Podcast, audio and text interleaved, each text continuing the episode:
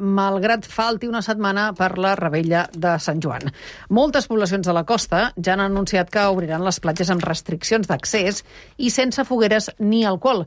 És el cas, per exemple, de Barcelona o Badalona, com també de la majoria de poblacions de la Costa Brava i de la Costa Daurada. En canvi, municipis del Garraf i del Baix Llobregat han optat per tancar i encara hi ha algunes poblacions que no han fet pública la decisió.